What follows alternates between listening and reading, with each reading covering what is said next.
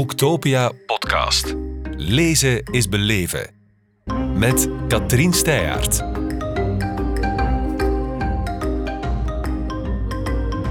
Welkom Elvin Post Dankjewel. op Boektopia in Kortrijk. Je bent hier met je boek Geen Weg Terug, uitgegeven bij De Fontein. Er zit een heus politielint rond je boek. Ehm, voor welke plaatsdelict moeten wij ons schrap zetten? Eh, voor een, eh, een plek. Het, boek gaat over een, eh, een groep meiden, schoolmeiden, die na een schoolfeest naar huis fietsen om, om half twee s'nachts ongeveer. En dan fietsen ze door een tunneltje waar ik vroeger van mijn moeder nooit doorheen mocht fietsen. En ik heb dat heel vaak gedaan, er is nooit iets gebeurd. Maar ik dacht, ik moet daar toch ooit iets mee. Dus deze meisjes aan het eind van de tunnel, dan staat er een, grote zwarte Mercedes half op de, schuin over de weg met twee mannen schijnbaar dood in een grote plas bloed.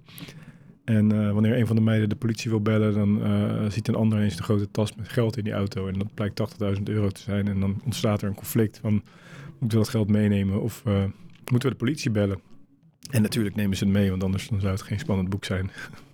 Uiteraard, maar het zijn 14-jarige meisjes, dus daar is 80.000 euro best wel wat geld. Voor ons is dat ook nog altijd wat geld, maar dat Ja. is een te aanlokkelijk dan voor iemand om te laten liggen. Nee, klopt. Nou, zij zijn 17, maar nog steeds inderdaad. eh, eh, is er één die wil, het echt, eh, die echt heel graag meenemen. Die is net ontslagen. En zij is een beetje de wilde van het stel. En daar wilde ik ook een beetje mee spelen. Wat ik van vroeger van school ook nog wel herinner. Van, dat je persoonlijkheden hebben waar, waar als je zelf jong en nog niet helemaal, hoe zou ik dat zeggen, in je eigen kracht zit. Dat je soms laat meeslepen of meesleuren door mensen die dingen doen die eigenlijk in je, tegen je gevoel ingaan, maar waar je dan toch in meegaat. pressure. Precies, dat. En eh, dat is natuurlijk nu, eh, nou ja, allerlei, dat is zo'n onderwerp wat eigenlijk altijd wel actueel blijft, denk ik, onder jeugd. Ja. En, eh, dus eigenlijk is dat ook, ik denk niet als ik aan het schrijven ben, er moet een les in zitten, maar wel van, nou ja, als je dus dit soort dingen doet, dan kan het wel eens zijn dat er vervelende dingen uit voortkomen. En waarom vier meisjes? Eh, nou, ik heb ooit, eh, dat is heel lang geleden, aan mijn oudste dochter en later ook aan mijn jongste dochter, eh, die hier ook vandaag aanwezig is, beloofd om een, om een kinderboek te schrijven. Eerst Iets wil- wat zij heel graag wilde?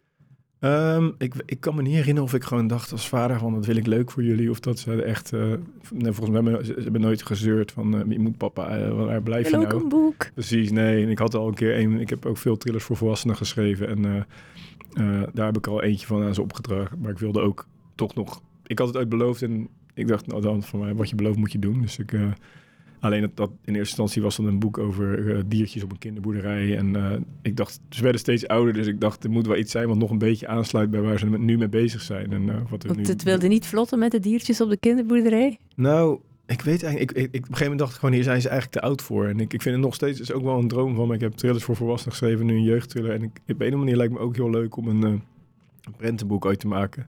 Ik heb ook een idee voor en een jongste dochter kan nog eens mooi illustreren. Dus wie Oh, dat weet. zou mooi zijn. Ja, dat is, eh, dat is maar, maar nou ja, dit...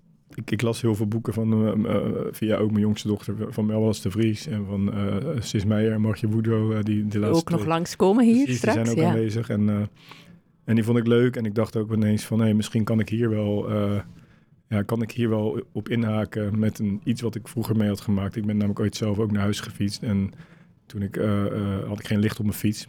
Ik denk dat ik misschien wel ongeveer dezelfde leeftijd had als die meiden.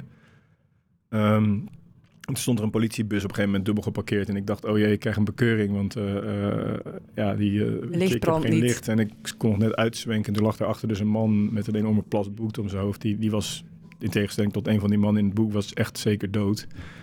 Ehm, Oh, akelig. ja, ik weet, het was heel, maar het is heel raar. Ik, ik ben er helemaal niet door getraumatiseerd geraakt of zo. Ik weet alleen maar dat ik heel raar gelijk dacht, dat bloed is niet echt. Ik had heel veel bloed in films gezien en dit was natuurlijk wel echt bloed, maar dat, dan zie je dat het een heel andere kleur is. En ik dacht ook meteen van, eh, ehm, de, eh, ik krijg geen bekeuring.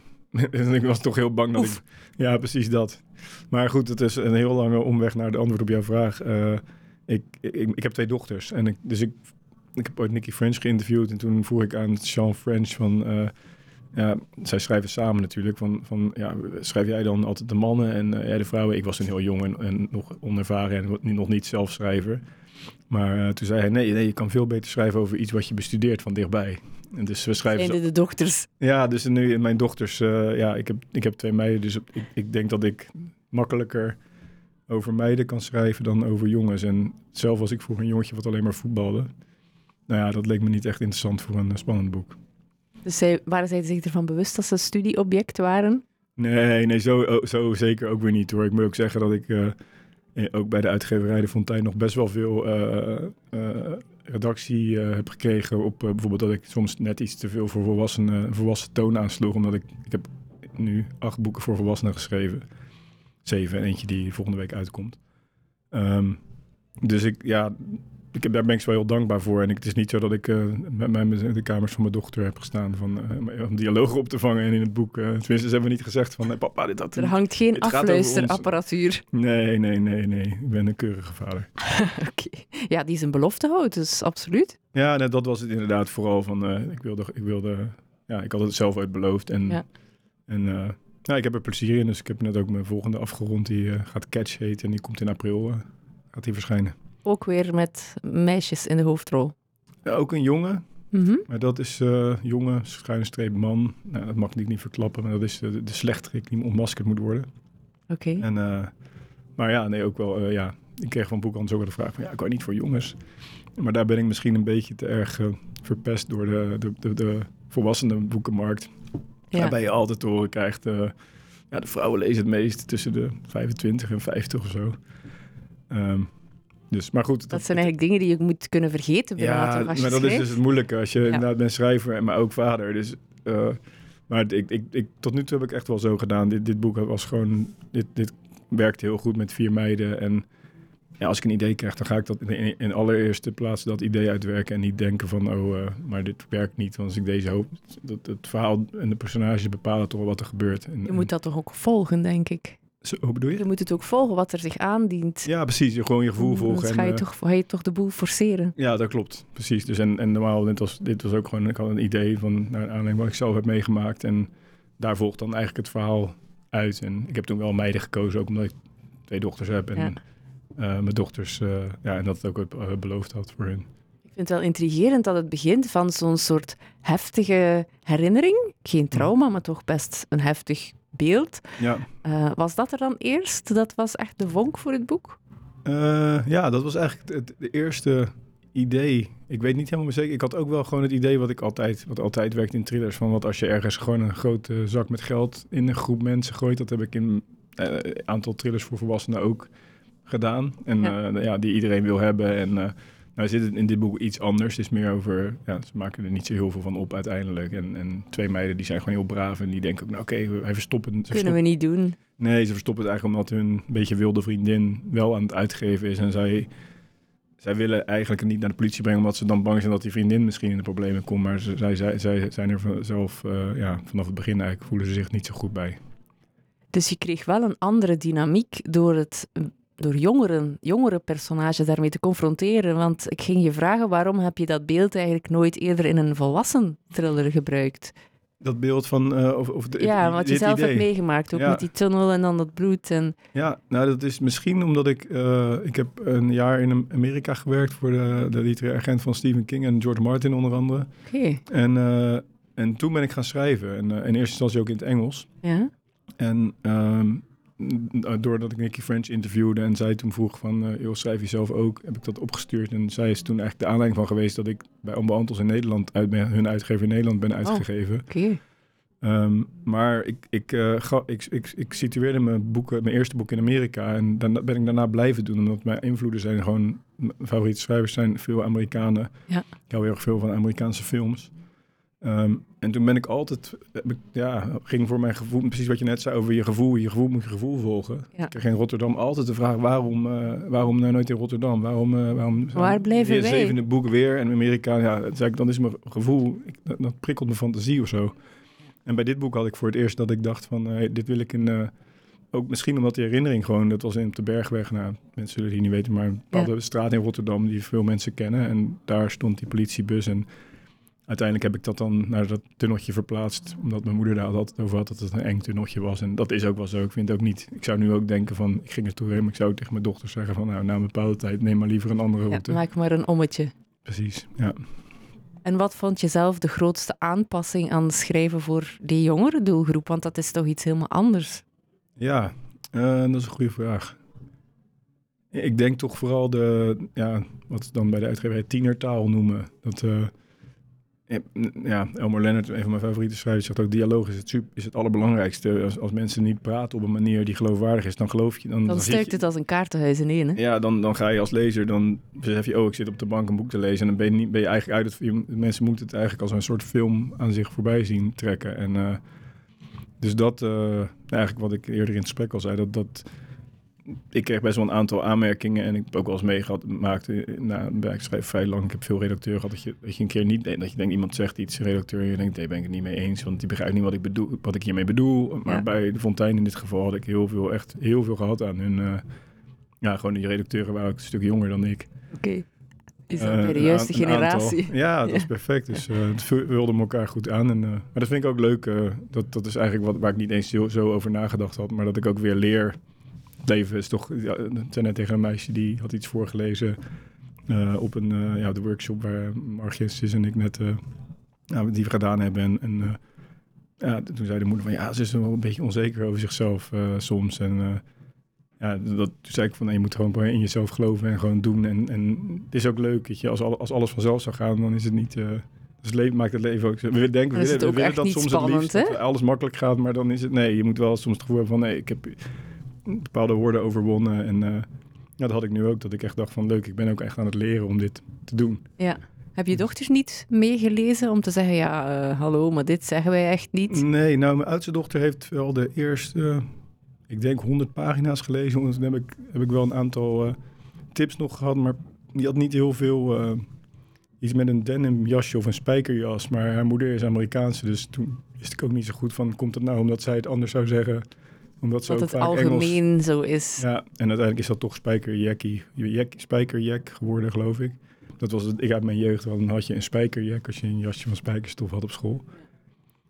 Um, maar goed, zij heeft ook toen, na een tijdje zei ze van pap, ik vind het leuk om dit een keer gewoon als echt boek te lezen. Want ze had mijn vorige boek voor volwassenen had zij wel helemaal gelezen van tevoren. En uh, dacht ik ook, ja, dat snap ik wel. Weet je, het is niet leuk om uh, ik heb genoeg meelezers en, en het is niet zo dat mijn dochters ook nog moeten gevoelen van, oh, als ik iets over het hoofd zie en zegt een recensent iets een soort verantwoordelijkheid krijgt. of zo, ja, ja, ja. Nee, dus ze heeft het gelezen als het af was. Dan. Ja, ja, ja. En wat vond ze? Uh, ze, nou, ze vonden het allebei leuk. Ja. Allebei vonden ze het mooi en... Uh, uh, nou, ze zijn altijd wel eerlijk, dus ik denk dat ze het ook wel zouden zeggen als, als ze grote problemen mee ja. zouden hebben. Ja. Ik bleef nog even hangen aan die opmerking van daarnet, toen je zei, ik woonde in Amerika voor een jaar en ik werkte toen bij de literaire agent, onder andere van Stephen King. Mm -hmm.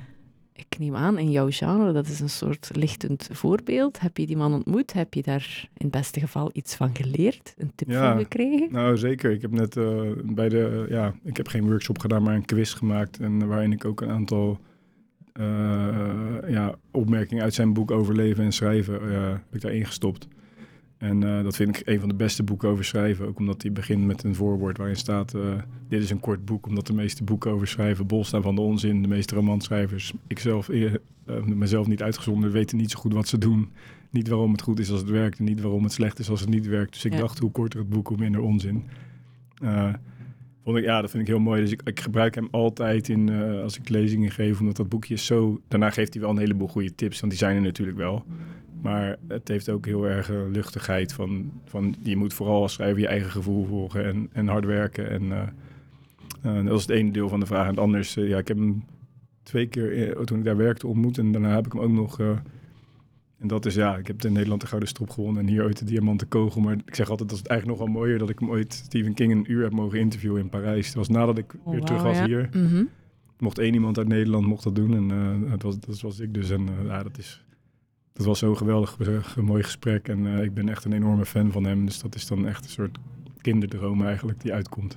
En is het, het, het schrijven, begrijp ik, is geen kinderdroom voor jou? Je was nee. een jongetje dat voetbalde, zeg Ja, ik wilde eigenlijk... Uh, ik weet niet of ik ooit echt dacht, ik wil profvoetballer worden, maar ik wilde, ik wilde alleen maar voetballen, echt. Ik, ik ben ook een tijdje afgehaakt met lezen. En uh, eigenlijk ook wel een beetje op dat de literatuur die we op school uh, een beetje kregen opgedrongen... gewoon niet aan mij besteed was en te lastig. Dus ik vind het onwijs fijn als ik nu in Nederland langs scholen ga... dat je hoort dat er veel meer wordt, naar, de, naar de kinderen wordt geluisterd... en dat ze mogen kiezen. Ja. En dan krijgen ze minder punten voor een thriller... dan voor iets wat de school dan zegt, nou dat is hoge literatuur. Maar ze kunnen wel de keuze maken, dus ze kunnen er wel mee, mee uh, ja, door ja. hun lijst uh, invullen. Dus uh, ja, het is bij mij even, een tijd lang voetbal geweest en schrijven is echt inderdaad later gekomen. En was dit iets voor jou 14-jarig zelf geweest, dit boek? Om te lezen. Ja? Nee, Als ben dat er was geweest, was je misschien wel enthousiast niet geweest. zeggen dat ik mijn eigen boek niet... eh, ik denk dat, als ik echt heel eerlijk ben, denk ik dat ik niet, eh, dat ik nog steeds naar het voetbalveld was gerend. Ja, oké. Ja. Maar kijk, je hebt je leven gebeterd. Het is goed Ja. gekomen. Je bent toch nog bij de literatuur terechtgekomen. Ja, nee, en ik heb wel mooie, ik heb ook echt mooie herinneringen. Een boek van Mi- Michał en de Momo en de Tijdspaarders. Ik weet niet of je- dat, dat vond ik echt een prachtig boek. Dat geef ik nu nog steeds cadeau als er baby's geboren worden, omdat ik 50 jaar oud is en eigenlijk nog actueler dan. Ja, Ja. het gaat eigenlijk over dat we steeds sneller gaan en dat we, ja, dat zo'n meisje die heel goed kan luisteren en waarbij iedereen tot rust komt en eh, waarvan je denkt van, jeetje, waar, het zou echt voor veel mensen het beste medicijn zijn om iets Absoluut. rustiger aan te doen. En, eh, ja. Kunnen we hier alleen maar mee akkoord zijn. Boeken als beste medicijn. ja, Waarvoor dank. En eh, ook dank voor de komst, Elvin Post. alsjeblieft. Boektopia podcast. Lezen is beleven. Beluister ook de andere podcasts live opgenomen op Boektopia 2022. Nu via je favoriete podcast-app.